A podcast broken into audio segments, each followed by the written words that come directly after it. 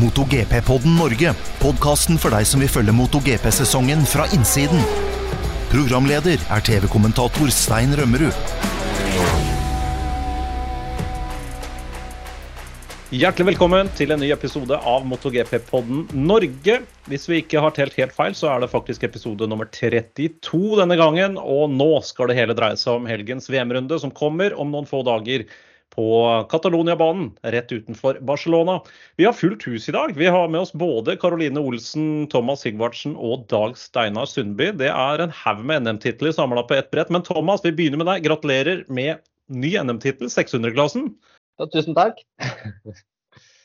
Maken til grisekjøring. Eh, hvordan, eh, hvordan, føles det der? Nei, det, det, det har ikke endra noe stort de siste dagene. Det, det, kan jeg ikke si. Men eh, det er alltid morsomt å vinne motorsykkelløp. Og det, det var et nytt konsept nå i år hvor de la NM bare over en helg. og det de har slitt litt med at det har vært dårlig deltakelse, men nå var det mye folk og det var god stemning. Det var egentlig ganske mange som var og så på på tribunen òg, så det, det, var en god opplevelse, det. Så vi, vi, hadde det gøy der oppe. Så bra. Nei, det var veldig gøy å høre. Karoline, uh, hvordan har uh, perioden fra forrige sending vært for din del? Du var jo, du var jo med uh, og kommenterte forrige VM-runde. jo, det har vært veldig ålreit. Det er morsomt å være tilbake igjen litt lite grann, i hvert fall. Eh, og så er det jo litt action nå i helga, men eh, det har vært kjempestas. Lite søvn. Så jeg satser på at det blir litt mer søvn de neste dagene, så jeg er helt klar for Dag Steinar på lørdag. det hørtes ja, veldig feil ut. det, det er hvordan man velger å se det, ja, fordi Dag Steinar ja. det her er, Dette er litt morsomt. Det er, det er et nytt eh, kommentatorpar i helga. Fordi eh, du har jo noen eh, hundre timer i boksen sammen med meg, og så har du noen titalls timer i boksen sammen med Thomas. Men nå er det Karoline du skal få slite med? Ja, ja, ja. Jeg er ikke så veldig bekymra. Jeg tror det går bra. Jeg bare veit at uh, man er litt forberedt hvis man forlater uh, kommentatorboksen og kommer inn igjen. At man må være klar til å ta imot litt slag og spark. Du må ha på full rustning ja, ja. Full rustning og aldri forlate meg uten forvarsel.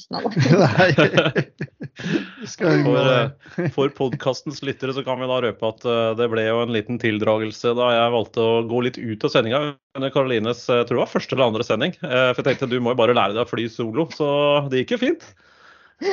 Ja, nei, det var satser på at eh, ingen så på sendinga som var mellom løpa og all den tida som gikk til å vise eh, innhold og oversikter og sammendrag og det som var. For uh, der var jeg litt sånn uh, Og jeg kjente at det bare bygde seg opp. Jo lengre du var borte, så tenker jeg nå skal, Stein skal få svi på en eller annen måte. Og jeg kunne jo liksom ikke Og greia var det at vi var jo på lufta, så du kunne jo ikke, du kunne jo ikke hyle til heller, liksom. Så jeg måtte jo Og jeg slo egentlig ikke så hardt, jeg er bare veldig flink til å slå. Så det var liksom sånn jeg traff perfekt. Ja, for sånn ordentlig knyttneveslag rett i bicepsen ja, velfortjent. Det, men du klarte deg veldig bra, da, og jeg er helt sikker på at det blir, uh, blir, helt topp med dere to i boksen også. Fordi nå er det jo Barcelona Grand Prix, første løpet etter halvveis. Det blir jo VM-runde nummer 11 i år. og Barcelona og Circuit Catalonia, som ligger eh, like ved byen Montmello. Det er jo bare noen minutters kjøring nordøstover fra Barcelona by. En av de virkelig flotte europeiske byene. Det er jo en høyresvingt bane. Seks eh, venstresvinger, åtte høyresvinger og relativt lang. Snaut 4,7 km lang. Ganske lang rettstrekke også. Startmål er jo litt over kilometeren der. Og ja, det pleier å bli ganske morsom racing der. Eh, Thomas, du har kjørt løp der. Eh, og Dag Steinar, du har kjørt masse trackdays der. Jeg har vært på mange tester, så vi har kjørt en god del. Karoline, du har ikke vært der ennå? Nei, takk for at du nevner det. Nei, den var en av de banene jeg aldri fikk mulighet til å dra på mens jeg fortsatt var aktiv. Men vi får jo satse på at jeg kanskje hiver meg på en av Dag Steinar sine turer. Eh. Man blir jo aldri for gammel for sånt, gjør man det, Dag Steinar? Nei, det virker ikke sånn i hvert fall. Så, nei da, du har mange, mange år foran deg. Så dere kan jo komme, dra på sånne familieturer der med oss på trackdays. Vi skal kjøpe oss en familiemotorsykkel. Så er vi litt uenige om det blir eh, hvilket merke det blir, da. Eh, for det er jo en diskusjon. Men eh, en familiesykkel, det må det bli etter hvert. Høres bra ut. Det blir eh, helt sikkert veldig moro.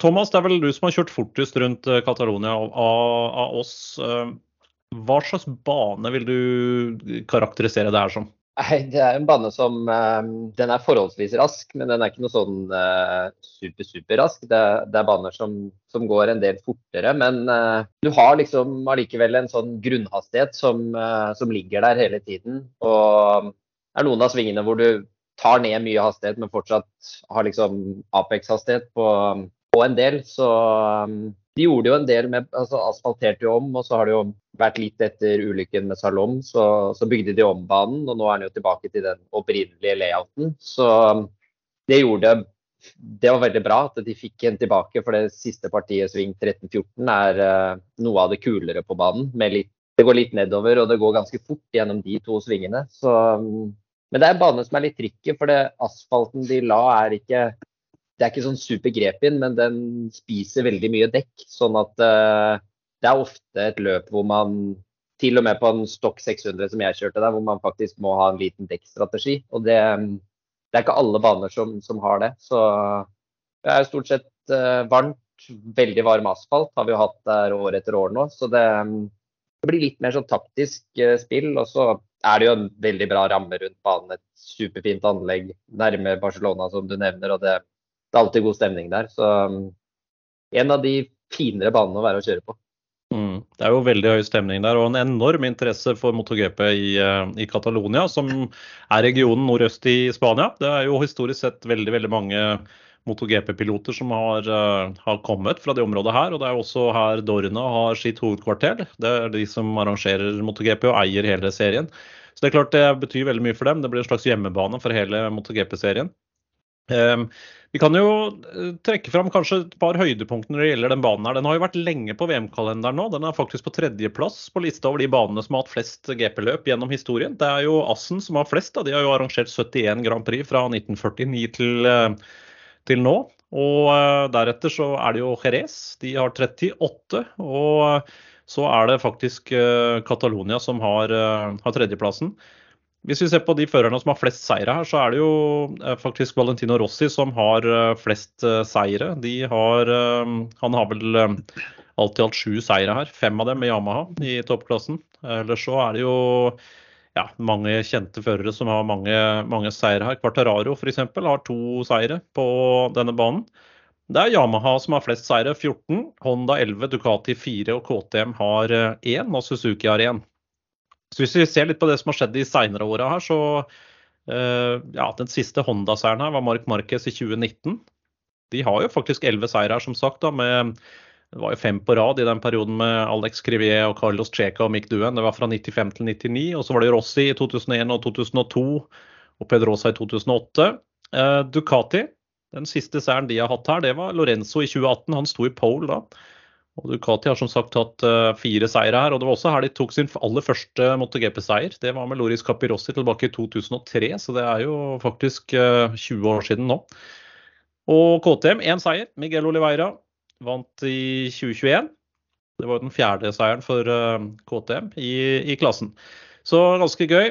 I, um, I, 2022 så var det jo faktisk Fabio Cortararo som vant. Det var jo kanskje litt overraskende. Han uh, kjørte et kjempeløp her. Året før så hadde han jo store utfordringer. Og Dag Steinar, du, vi nevnte jo så vidt uh, før vi starta opptaket på podkasten her, men det er, det er, mange ting som har skjedd der opp gjennom årene som er uh, litt sånn av dramatikk og ting man husker. Du nevnte jo en Quartararo-hendelsen for et par år tilbake. Ja, det var skinndressen som, som gikk opp, så han drev jo fepla med brystplate og alt som var der. og eh, ja, det var jo ikke, var ikke bra, det. Og så hadde vi jo Alej Spargar også, som uh, lå veldig bra an. Som uh, da Du får ikke mer hjemmebane enn det han har. Da. Han har jo vokst opp bare en par kilometer fra banen og klarte da å telle feil og var litt i uh, lykkerus at det gikk så bra, så han ga seg jo en runde for tidlig. Så det var jo nedtur. Ellers har det jo vært masse super-S her, sånn, og det er jo en bane det blir bra å fighte på. Mm. Det, det, er jo det, så vi får se om vi får også det til helga. Vi håper jo det. Ja.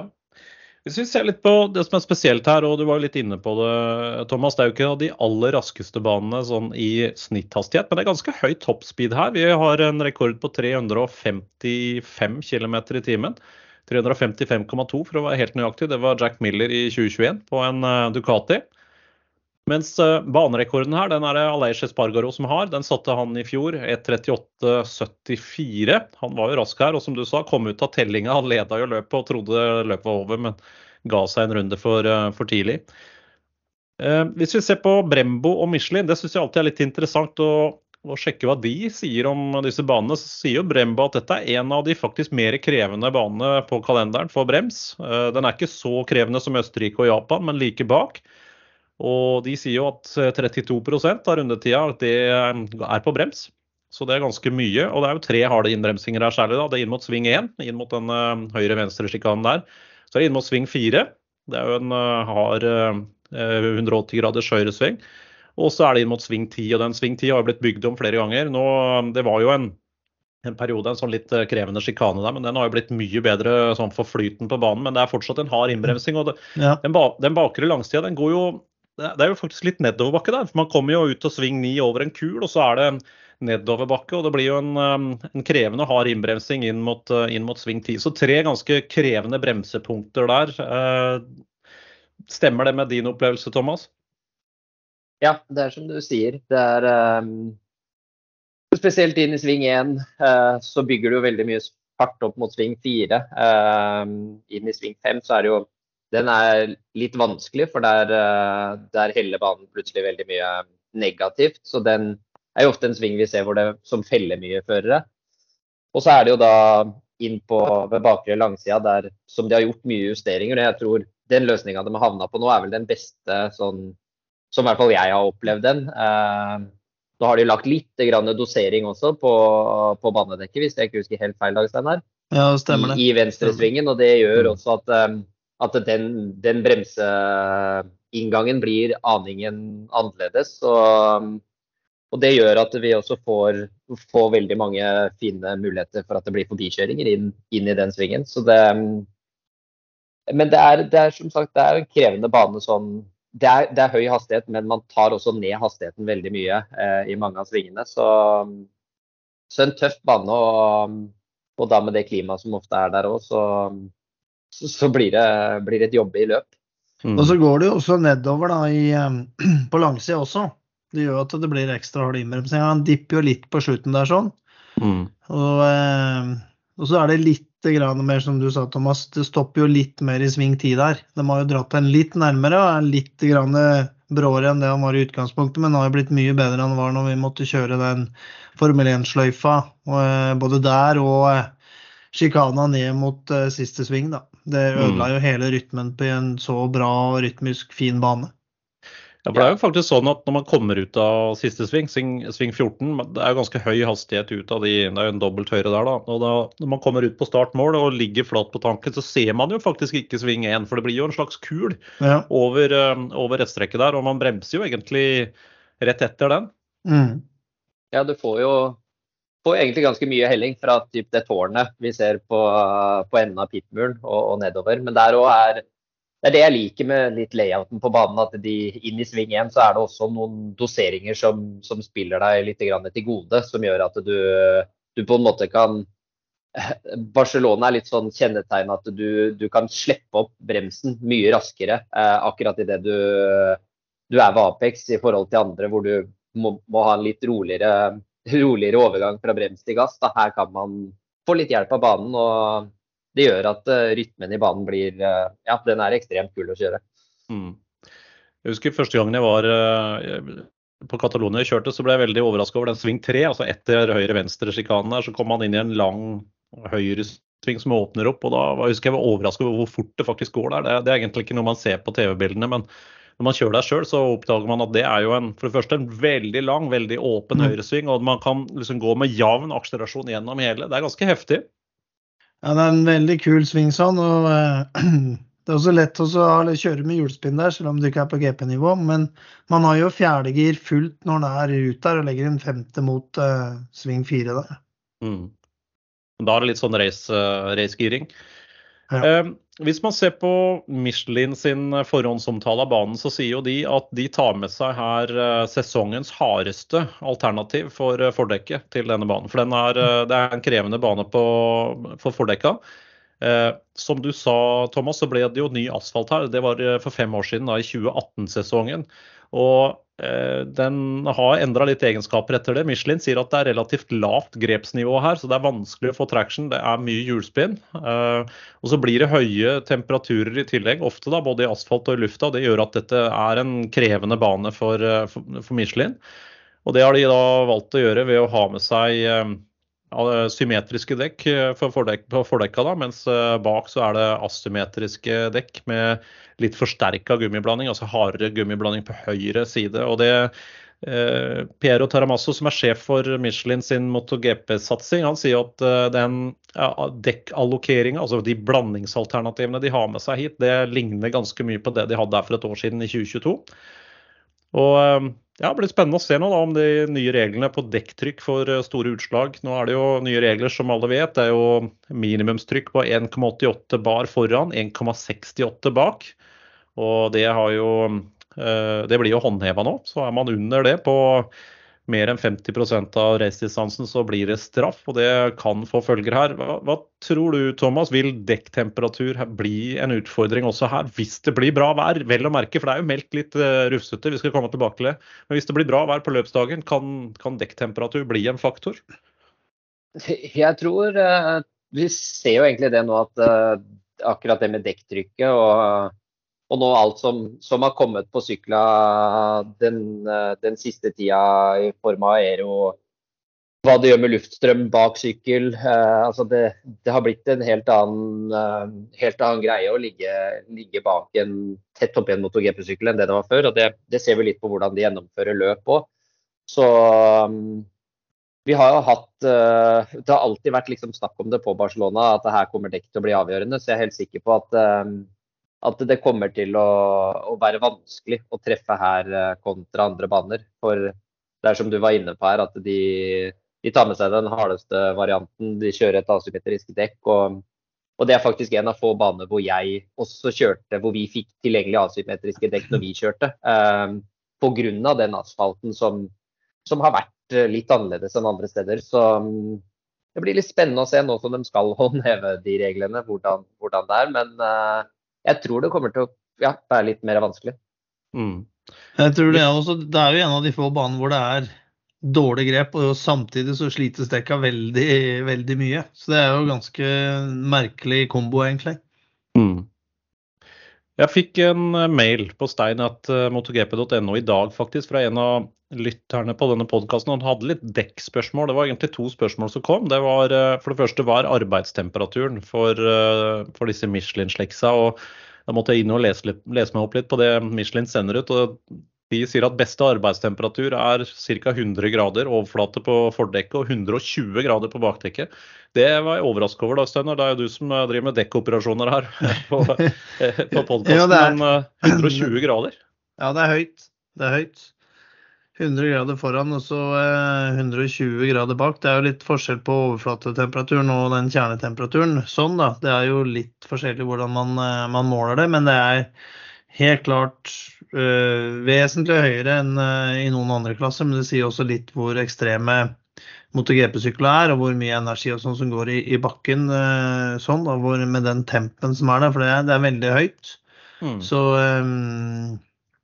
det blir, det blir, ikke noe enklere oppgave nå med håndhevelsen av de nye lufttrykksreglene sånn. Så ja, får vi også veldig varmt vær hvis det skjer. Så ja, det kan bli interessant å se hva som skjer. Mm.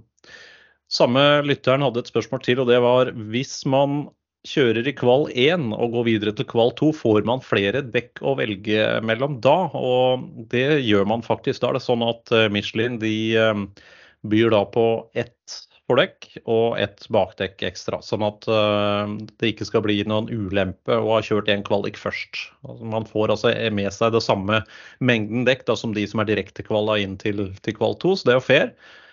En fører i løpet av en VM-helg har 22 uh, sliksdekk å, å bruke. Det er 10 fordekk og 12 bakdekk. Det er reglene.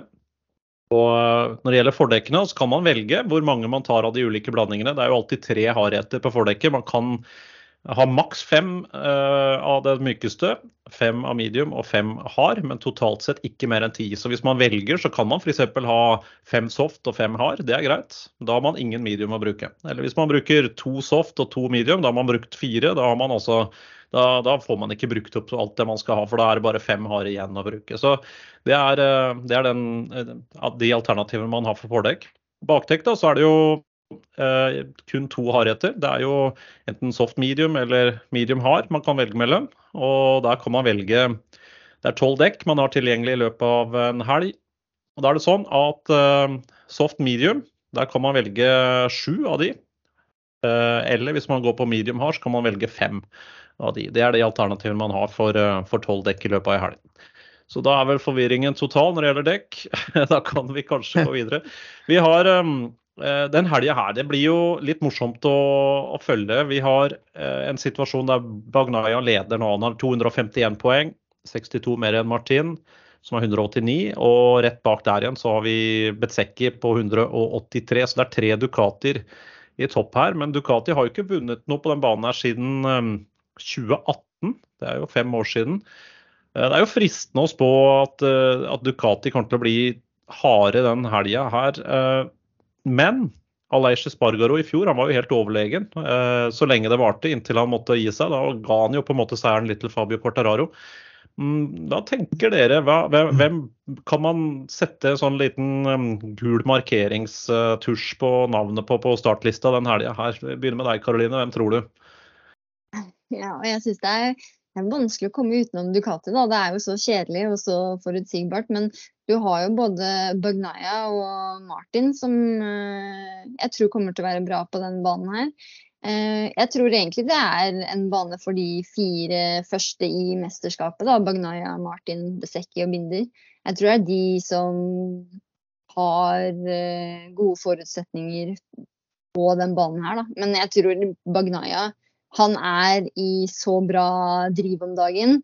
Besekke Besekki fikk en liten opptur med den tredjeplassen. Han har på en måte brutt den uheldige striken han var inne i. Og så tror jeg Jorge Martin er litt revansjesugen etter noen eh, vanskelige løpshelger. Um, og Brad Binder han har jo vært veldig fornøyd med KTM-en. Og så som du sier, da, april var bra i fjor. Jeg syns det er vanskelig, fordi det, det, er så mange som kan gjøre det bra. Men jeg tror det skal vanskelig gjøres å slå en eh, Bagnaya hvis ingenting eh, utenom det normale skjer, da. Men mm. det kan jo skje. ja, Thomas, hva tenker du? Her skal jeg prøve å dra opp noe, noe helt annet av hatten, jeg, da. Eh, disse Nei. Eh, jeg er, du kommer ikke utenom de, de Karoline nevner. altså De Ducatiene de har vært der i hele år og, og, kommer til å være der resten av sesongen. Men, men, det er klart når du så Espargaro i fjor og det trøkket han hadde gjennom, altså helt fra første treninga, så um, jeg tror det betyr ekstremt mye for han å, å vise seg fram på den banen. Um, spørsmålet er jo nå i år, han har vært litt mer ustabil, så Men du veit aldri. Um, Fabio Di Antonio kvala som nummer fem i fjor. Kanskje han skal forsvare et GP-sete for neste år. Uh, han var uheldig og krasja i løpet, men han gjorde jo en sinnssyk kval der i fjor. Kjørte veldig fort. Mm. Uh, kanskje vi får uh, et par av de uh, som, som, har slitt litt i år og, og, vil gjøre en bra kval. og så er jeg litt spent på KTM, for KTM gjorde det veldig dårlig der i fjor. Uh, var det en grunn til at de gjorde det akkurat da, eller er det noe, noe med banen som, som, gjorde at sykkelen ikke funka der i fjor? Det, det, blir litt spennende. fordi de var jo bedre der året før, så, så det er litt Ja, kan de kan jo være der, men det kan også gå dårlig. Så. Ja, for Binder var jo veldig godt med hele veien i Østerrike. Ble jo andreplass både i sprintløpet og i, i, hovedløpet, så han har jo tempo nå. Og som sagt, KTM har jo vunnet her før. Det er jo ikke så lenge siden, da. 2021, Miguel Oliveira. Selv om han er uh, aprilfører nå. Dag Steiner, hva tenker du? Uh, hvem bør vi følge litt ekstra med på i helga? Er det Bagnaya? Jo, det er jo han som utmerker seg, det er jo det. Så, um, sånn det har vært, vært, hele sesongen, egentlig. Så det er litt vanskelig å komme utenom han. Så, men ja, overraskelsene kan eventuelt bli Aleish Espargaro hvis de får det til å funke, funke veldig bra. Så, så se, og så er det jo det her med dekktrykk igjen, og i hvert fall på, på hovedrace og sånne ting, da, hvis det blir veldig varmt, det kan spille inn. Men så har vi også vi sett at Bagnaya har vært veldig dyktig til å ta vare på, på dekka sine, og det er jo en egenskap som er veldig viktig nå. Vi så også for en del år siden hvor eh, Dovi var veldig dyktig på det på Ducatien, og da vant jo han sånne utfordrende race som det antageligvis kommer til å bli på, på søndag. Så ja, de ligger nok eh, litt i føringa der, ja. De Mm. Ducati-gutta. Karoline? Vi har jo også en liten joker i været denne helga her, da. For det er faktisk ikke meldt knallvær, altså. Det er meldt ganske mye regn fra lørdag formiddag frem til eh, søndag morgen. Og så det, skal det dryppe litt på søndag òg, så det kan være at det her blir eh, Og dere som har kjørt på den banen her fra før av, vet jo mer enn meg hvordan eh, den utvikler seg når det er opptørkende eller når det er regn. da. Hvordan er grepet der da? Ja, jeg har aldri får, kjørt der eh, på, på vått. Har du det? Nei, jeg er solskinnssjåfør, så det får Thomas eh, svare på. Ja, nei, jeg har, jeg har kjørt der på nesten alle typer forhold. eh, og um, det er ikke noe, noe annerledes enn en andre baner. Den, den er litt lavere på grep sånn eh, på helt tørt, men eh, jeg syns ikke det var noe problem å kjøre der på, på vått. Så, um, men vi så jo, det var, ja, ikke løpet i fjor, men året før så var det vel litt sånn smådrypp eh, gjennom løpet der. Det var litt dårligere forhold når Oliveira um, tok det. Så um, det er klart, Mm. han, eh, han har jo vist at hver gang det, det kommer noen dråper på visiret, så er han en hard nøtt å ha med å gjøre. Så det vil jo bare gi det enda litt mer X-faktor, det. Er det noen som fortjener en liten opptur nå, så må det vel være Oliveira. altså, han har jo vært eh, sesongens ulykkesfugl. Jeg syns så synd på han, jeg. Det har vært mye der, ja. Det er ingen tvil om det. Det har ikke vært den flyten etter å komme over til eh, RNF, men eh, vi får håpe det snur litt. Mm. Og så er det helt uforskyldt òg. Det har jo vært eh, tre ganger nå han har blitt tatt ut av tre andre førere, så litt grann medvind nå på Catalonia hadde ikke vært feil. Ja, for Det var et lite så blaff av storhet vi så på Silverstone. Der ble han jo fire. Det var et veldig Mm. bra løp. Så um, blir veldig veldig gøy å følge. Jeg liker den banen her veldig godt, og jeg har mange gode minner herfra. og Da jeg stilte spørsmålet på eh, Facebook-sida for eh, Men nå må du vente litt, Stein, for du kommer Ja. ikke unna å fortelle oss hvem dine favoritter til helga er. Ja, jeg tenkte jeg skulle prøve å komme meg unna, ja, da. Eh, For jeg har jo Mm. fri i helga. Det er jo dere som skal kommentere, da. Nei, men eh, jeg uh, syns det hadde vært veldig gøy hvis Aleish Espargaro gjorde det bra her. Dette er en skikkelig hjemmebane for han. Han er jo født et steinkast fra banen. Han fortalte jo at eh, da han vokste opp, så gikk han på barneskolen nede i Granoyer, som er det er jo bare to-tre kilometer eh, unna Montmelot. Da han satt på barneskolen når det var veldig varmt ute, så hadde de vinduene i klasserommet åpent, og da hørte han motorsyklene fra banen på eh, Montmelot. Og da begynte han å drømme om å bli racingpilot. Det, liksom, det, er, det er så nært som det. Så både han og Pål har jo vokst opp i nabolaget her. Og det var veldig surt da han uh, telte feil i fjor. Fordi, og det er det en som burde ha visst det, så er det jo han. Men det, der, det tårnet som Thomas snakka om, der du ser liksom uh, Det teller ned da, hvor mange runder du har igjen. Uh, sånt vertikal tellesystem. Og den teller ned. Uh, sånn at han bomma da. Han trodde han var på siste runden da han hadde faktisk én runde til igjen. og det var det som Han ble faktisk litt lurt av. Det der burde han ha visst. Men da hadde han vunnet det løpet her i fjor. Og jeg tror jo Aprilian er faktisk enda bedre i år. Uh, og ha, dette er en hjemmebane for han, Det betyr veldig veldig mye. Så jeg syns det hadde vært hyggelig og veldig kult hvis det ble uh, Aleish Espargaro denne helga. Men uh, jeg er jo enig med dere. Det er fryktelig vanskelig å ikke uh, spå at det blir en Ducati eller to høyt opp på, på listene her. Og så hadde det vært veldig gøy hvis Fabio Quarterario gjorde et bra løp. Han hadde fortjent det. Han jobber jo på, og de ligger langt bak teknisk. Men i fjor vant han, og han vant også i 2020 her. Så det er en bane vi vet han kan kjøre veldig fort på. Og så har han jo et uh, teknisk handikap nå i år, da. Så blir det litt uh, rufsete vær, kanskje litt vanskelig underlag, så kan vi få noen overraskelser her. Det blir gøy å se uansett. Men jeg uh, gikk jo inn på denne Facebook-sida for norske MotoGP-fans, og så spurte jeg er det noen som har noe innspill til uh, dagens podkast eller noen spørsmål, og det var ganske bra respons. altså. Det er, uh, det er mange MotoGP-interesserte i Norge, og det er høyt nivå på, på fansen her, sånn at de stiller jo veldig gode spørsmål. Men det er én ting som går igjen, og det er spørsmålet om hva skjer med de ulike førerne i 2024. Det er jo Eh, mange bevegelser på førermarkedet nå. Det er jo det som kalles silly season. Vi fikk jo en nyhet i dag, Dag Steinar. Kanskje ikke den Ja. største overraskelsen. Hva var det som kom? Betseki fortsetter jo da for VR46. Det var ikke den største overraskelsen, men han hadde jo også ordentlig gulrot ved å gå til Pramac for å få eh, 2024 Factory Ducati. Det får han ikke nå, når han blei hos eh, VR46. Da blir det en 2023. Men eh, jeg vil tro at eh, Rossi var raus med eh, neste års lønninger. I forhold til å beholde for de ville virkelig beholde i VR46-teamet. Og teamet er mye bygd opp rundt han, og de ser vel at det er han som er den stjerna i teamet i forhold til Luca Marini, og ikke levert på samme måte som Bezzecchi. Så um, veldig viktig for VR46 å, å, beholde han. og de har vel også en ny sponsor som er på, hovedsponsor som er på gang, så det, det alt dette her henger vel, vel, sammen. Og det var ikke noen største overraskelse, men ja, han eh, mener at han kan gjøre det bedre der med, med det teamet rundt seg på en 2023 enn det han kunne gjort på, hos Bramak. da. Mm. Og Da åpner jo det en del spørsmål, fordi vi var jo veldig i tvil om hvem som skal inn til Pramac der. Mm. Uh, og det er flere aktuelle der. Og de fleste av ekspertene tror jo nå at det blir Franco Morbidelli. For Morbidelli skal ut fra Yamaha. Uh, den plassen den er det jo Alex Rind som skal få. Det snakka vi om i forrige podkast, og vi var litt i tvil om hvor uh, Morbidelli skal. Jeg må innrømme at jeg trodde mest på det ryktet om at Morbidelli skulle inn til til VR46. Men sånn det ser ut nå, så er ikke det så sikkert.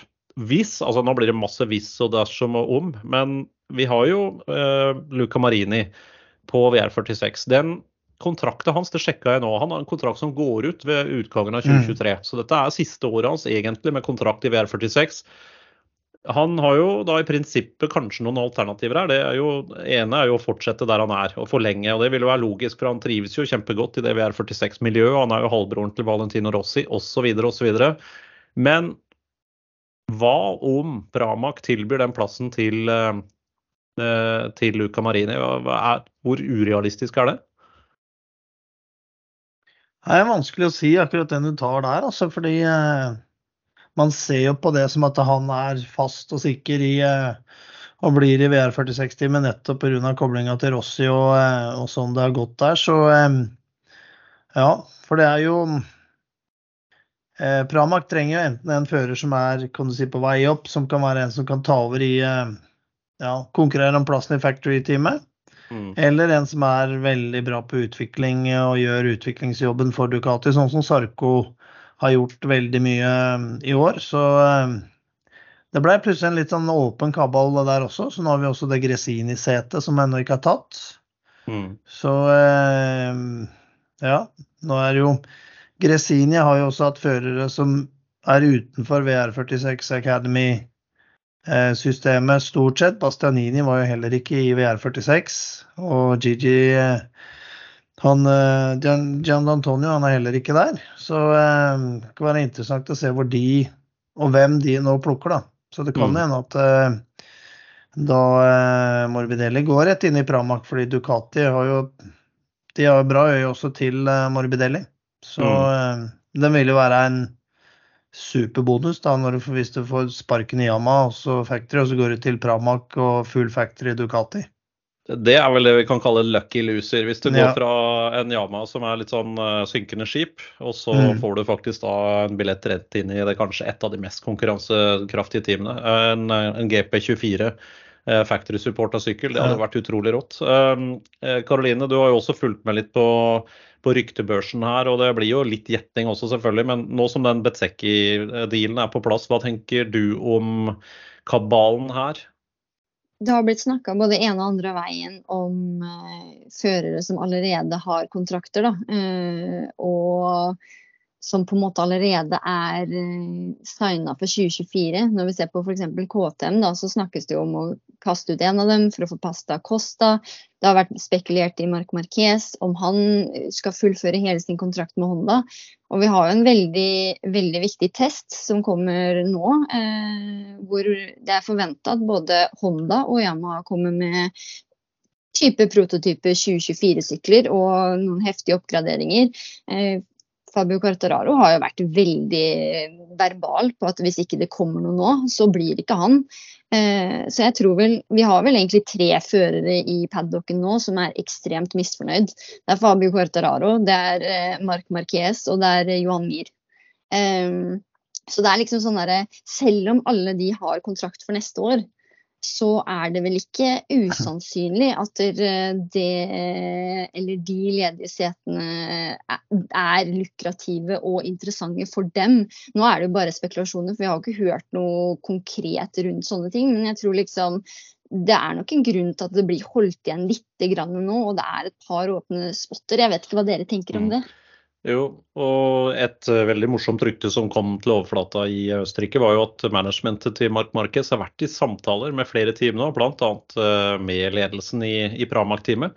Det ble jo og det ble jo Mark Marquez konfrontert med på pressekonferansen der. og han, ble tatt ordentlig på senga der. Han sa vel nei, han hadde i hvert fall ikke snakka med, med Pramac. Men det viste seg jo etterpå at det var den nye manageren til Mark Marquez som hadde gjort det. Han, han, var jo tidligere en av disse Eh, brand activation-managerne til Red Bull, som tok over som, eh, som manager for, eh, for Mark Marquez i fjor. Der, så der har det vært samtaler.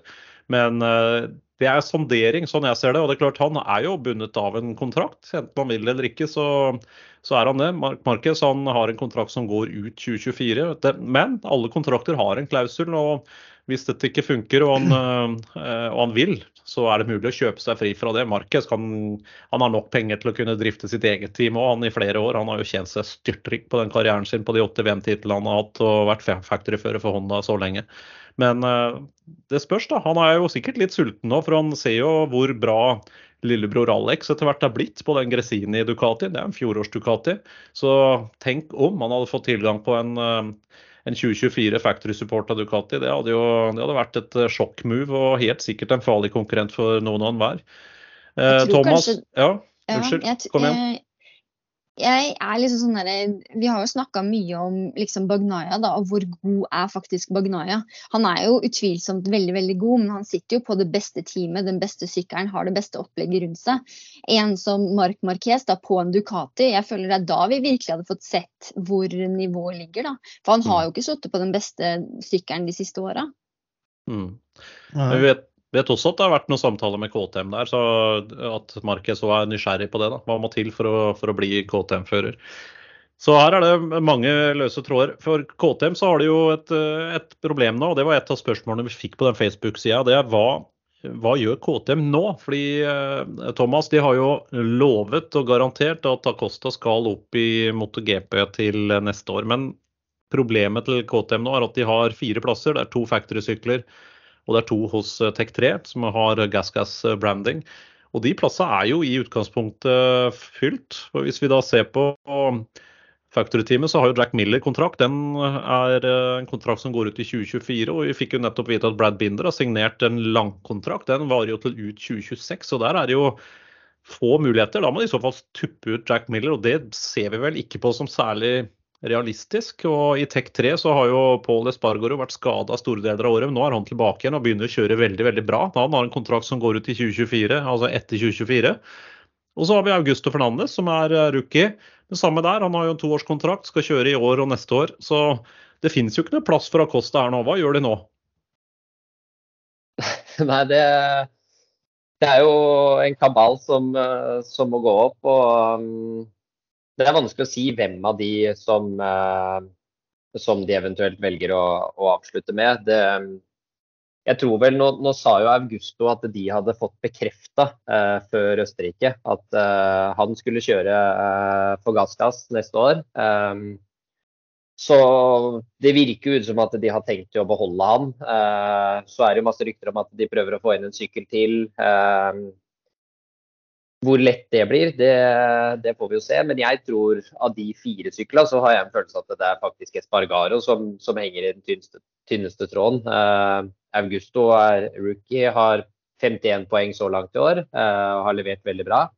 Så, mm. så jeg syns han på en måte fortjener litt videre. Espargaro har jo vist at han, han er jo der og gjør bra resultater, men det ender stort sett med en grustur og skade. Så, så det er vanskelig, men men jeg føler at Prabak-setet, det, det, kanskje tar litt tid før vi får vite hvem som, uh, som tar, som Karoline er inne på. Da, for at uh, av de tre førerne Karoline nevner, så har du også en Acosta som, som, er på vei opp. og det Som kanskje skaper litt ekstra røre nå i, i den kabalen for neste år. Så jeg tror ja, kanskje om to-tre løp så, så, vil ting begynne å kanskje sette seg litt mer. Men det er ikke gitt at at han kommer til å kjøre en KTM neste år, har Kosta. Så det er mye som mm. kan skje.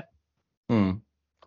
Fordi eh, Hvis vi ser på de eh, kontraktene som ligger på bordet nå, og der det er løse tråder, så det begynner jo å fylle seg opp. Men der det fortsatt er ubekrefta, så er det også LCR Honda. Den uh, kontrakten til Nakagami den går ut uh, ved årsslutt. Så han har en kontrakt som går ut nå i 2023, så der er det åpent hva som skjer der. Vi tror vel at det er mest realistisk at han signerer med en fortsatt kontrakt der. Eh, LCR Honda de har jo to sykler. Den ene er jo ofte en Honda-kontrakt som signeres rett med HRC. og Den andre kommer jo gjennom Honda Team Asia-satsingen og, og Idemitsu. Og det er Nakagami som sitter på den, den, andre sykkelen der. Sarko er nettopp signert, så han går jo over og har fått en kontrakt som skal vare da i 24 og 25, så det er en toårskontrakt. Vi regner vel med at Nakagami signerer den.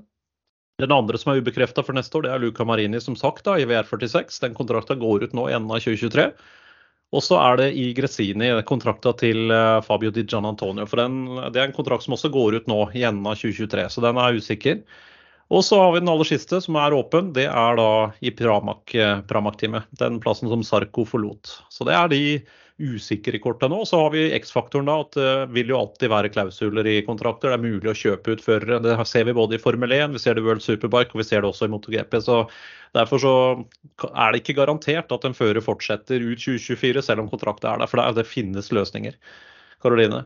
Jeg tror kanskje det er, også det er en del vi åpenbart eh, ikke vet helt ennå. fordi jeg syns det er rart at der, hvis ikke de vet hvem som sitter på det setet, da, så er det kanskje rart at både Tony Arbolino og Jake Dixon, som var eh, heite navn i snakk om den Grisini-plassen, da, eh, før, eller nå før eh, Besekki fant ut hvor han skulle være, signerte kontrakter med å bli værende i Moto 2.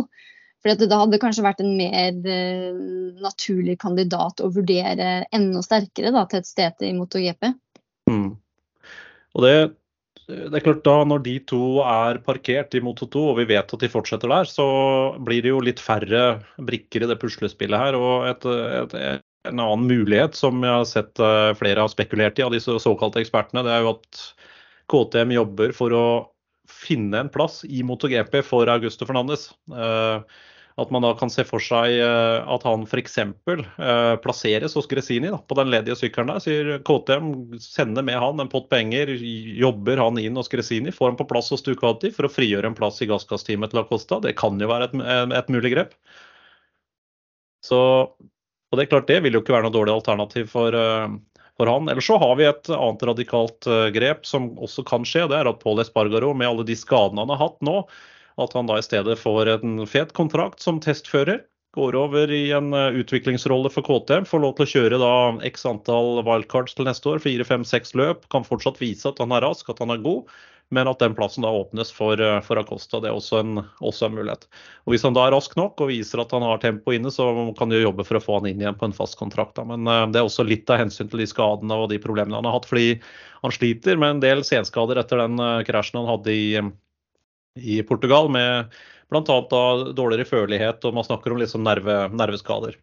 Så vi får se. Det er eh, flere alternativer her. Og så er det jo litt sånn som Thomas sa innledningsvis òg. Det kan jo være en sånn gullbillett til Fabio Di Giantonio hvis han gjør det bra den helgen her og et par andre helger, da. At han kanskje får litt fornya tillit. For nå har det jo vært uh, gitt at han er på vei ut, men uh, han har vel ikke signert for noe annet ennå. Så det kan jo hende at hvis han uh, klarer å kopiere resultatene i hvert fall fra kvalen fra i fjor og holder seg på hjula i løpet, at han kan få et bra resultat og kanskje være Kanskje han skal få mer enn Men nå har han jo hatt et par sesonger, da, så det er jo Hvor lang tid skal han få? Jeg tror nok at han dessverre er allerede er avskrevet for neste år. Sånn når man ser på alle førere som er tilgjengelige nå, så Men det er jo det som er Vi veit jo, vet jo veldig lite. og Det blir jo snakka om at uh, manager er inne i den uh, traileren og den andre traileren, og det er litt sånn business as usual. De, uh, Mm. de fyker rundt i alle trailere hele året. Så um, er det en som blir spotta et sted, så blir det et rykte. Og så, um, men uh, i løpet av et par, uh, par løp så tror jeg nok at uh, en del ting vil falle på plass. Og som Karoline er inne på, den, den testen som kommer nå er veldig avgjørende for uh, i hvert fall for Mark Marquez, for å se om han har tillit og troa på det Honda-prosjektet for neste år. Mm. Det er bra. Vi har uh, ikke sagt siste ord om dette, for det vil helt sikkert komme mer. Et annet spørsmål som kom på Facebook, det er hva skjer med Dennis Ørnsrud til neste år? Fordi det har jo begynt å svirre et rykte, Dag Steinar. Mm. Han har jo, eh, som sagt, som vi har pratet om tidligere, så han begynner jo å vokse ut av den eh, Moto 3-sykkelen. Og eh, det som sies nå i forskjellige medier, er at han skal bare ta steget opp til Moto 2 for Ayo. Og vil bli da teamkollega med Vietti, som bråvåkna nå på Red Bull Ring. Mm. Jeg fyrte av en melding på WhatsApp til Aki Ayo nå rett før den podkasten her, og spurte han rett ut skal Dennis opp til Moto 2.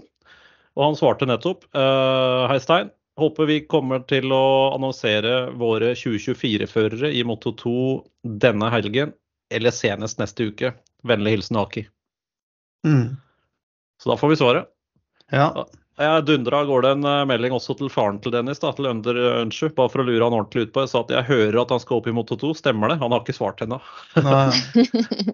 En liten dirt igjen der, altså. Er en liten dørt igjen. Nei, men det, jeg håper du har rett, og jeg tror det er veldig riktig. Han har jo vist i år at han har tempo. Nå har han jo to seire også, og Mm. kjører jo kjempebra. Han har jo blitt en mye mer moden og voksen fører nå. Han timer jo disse løpene mye bedre. og og klarer å holde hodet kaldt og ha god racecraft, som det heter. Jeg tenker at han, Og han har vokst, han har blitt lenger, så jeg tenker at han passer veldig godt jeg, i, i uh, Moto 2-klassen. ja, det tror jeg også. Men du sa Vietti, ja. Da må jeg spørre Mm. Aki om det òg, da. Jeg får sende han et eh, tips, da. Det er det jeg tipper. Får vi se om han reagerer. Men um, Ja. hvilke andre eh, løse tråder har vi fått på plass eh, i Moto 2? Oh. Nei, det er jo ehm, Ja, nå har jo han Arbolino har resigna, så forsvinner jo Loves til Superbike. Mm. Så jeg vet ikke hvem, eh, men ehm, de har vel prata med både Canet og han eh, Senna Agius, er ikke det han heter, Thomas? Jo. Senna Agius, ja. Vi Ja. får, jo, får jo et nytt team. Eh, Ja, på det gjør vi Pons eh, trekker seg jo ut og, og takker for seg. Så det, det er jo eh, litt synd, for det har jo vært et fast innslag. og har jo vært en av de ledende Moto 2-teama nå så lenge den klassen har vært. Så, så det blir jo det MT-teamet i, i Moto 3 eh, som, som skal kjøre et Moto 2-team. Eh, der har det ikke blitt bekrefta noen førere enda. Masia har vi til eh, SAG, Ja. Opp fra Moto 3. Men det Det er er vel vel også litt, litt prat om kanskje at uh, Moreira kanskje blir med opp. Moreira er, ja, det er eneste føreren som er nevnt på det, Mm. det nye teamet. Han, Ja. De kommer jo til å ta med seg sikkert en del av, av teamet der. Og så tror jeg nok Jeg har snakka litt grann med et par mekanikere i Pons, og de, det virker ut som de kommer til å At noen av de kommer til å være der neste år òg. Så, um, så um, det kan hende det er en liten sånn samarbeids uh, Ja. samspillsopplegg de har akkurat på den biten. Um, og så er det jo NTS, som det også snakkes om at skal inn med, med to sykler. ja, da er det nytt chassis også. Mm. Ja, Mm. de skal kjøre et wildcard uh, på Valencia siste løpet. Så, um, men de har lagt en, eh, faktisk en HRC-backup, har fått backing fra de og, og lagd en langsiktig plan. Så det, de vil prøve å komme inn med flere chassiser nå eh, over en treårsperiode. Så det blir jo spennende å se. Ja, det er positivt da også da at vi har HRC i bakgrunnen der, at de er inne på, på flere felt. For vi har jo vært litt redd for hva gjør HRC, og både HRC og Yama nå i når det går så dårlig, om de eh, tar en Suzuki. Men eh, alle tegn tyder på at de vil kjempe seg tilbake igjen, da, heldigvis.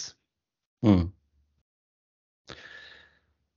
Så det det blir et spennende prosjekt, det. Og vi at vi får litt flere chassier inn enn så det blir ikke bare Calex. Det kommer helt sikkert masse nytt utover, utover høsten her nå. Vi skal begynne å runde av den sendinga her. Det blir jo en hektisk helg. Det er kvalik da på lørdag, som alltid, med Karoline og Dag Steinar bak spakene. Starter jo da med, med Moto 3-kvalik, og den er klokka 12.45 begynner den sendinga på lørdag. Og da går det slag i slag med også sprintløpet, da, som går klokka 15 norsk tid på lørdagen. Den skal vi absolutt få med oss.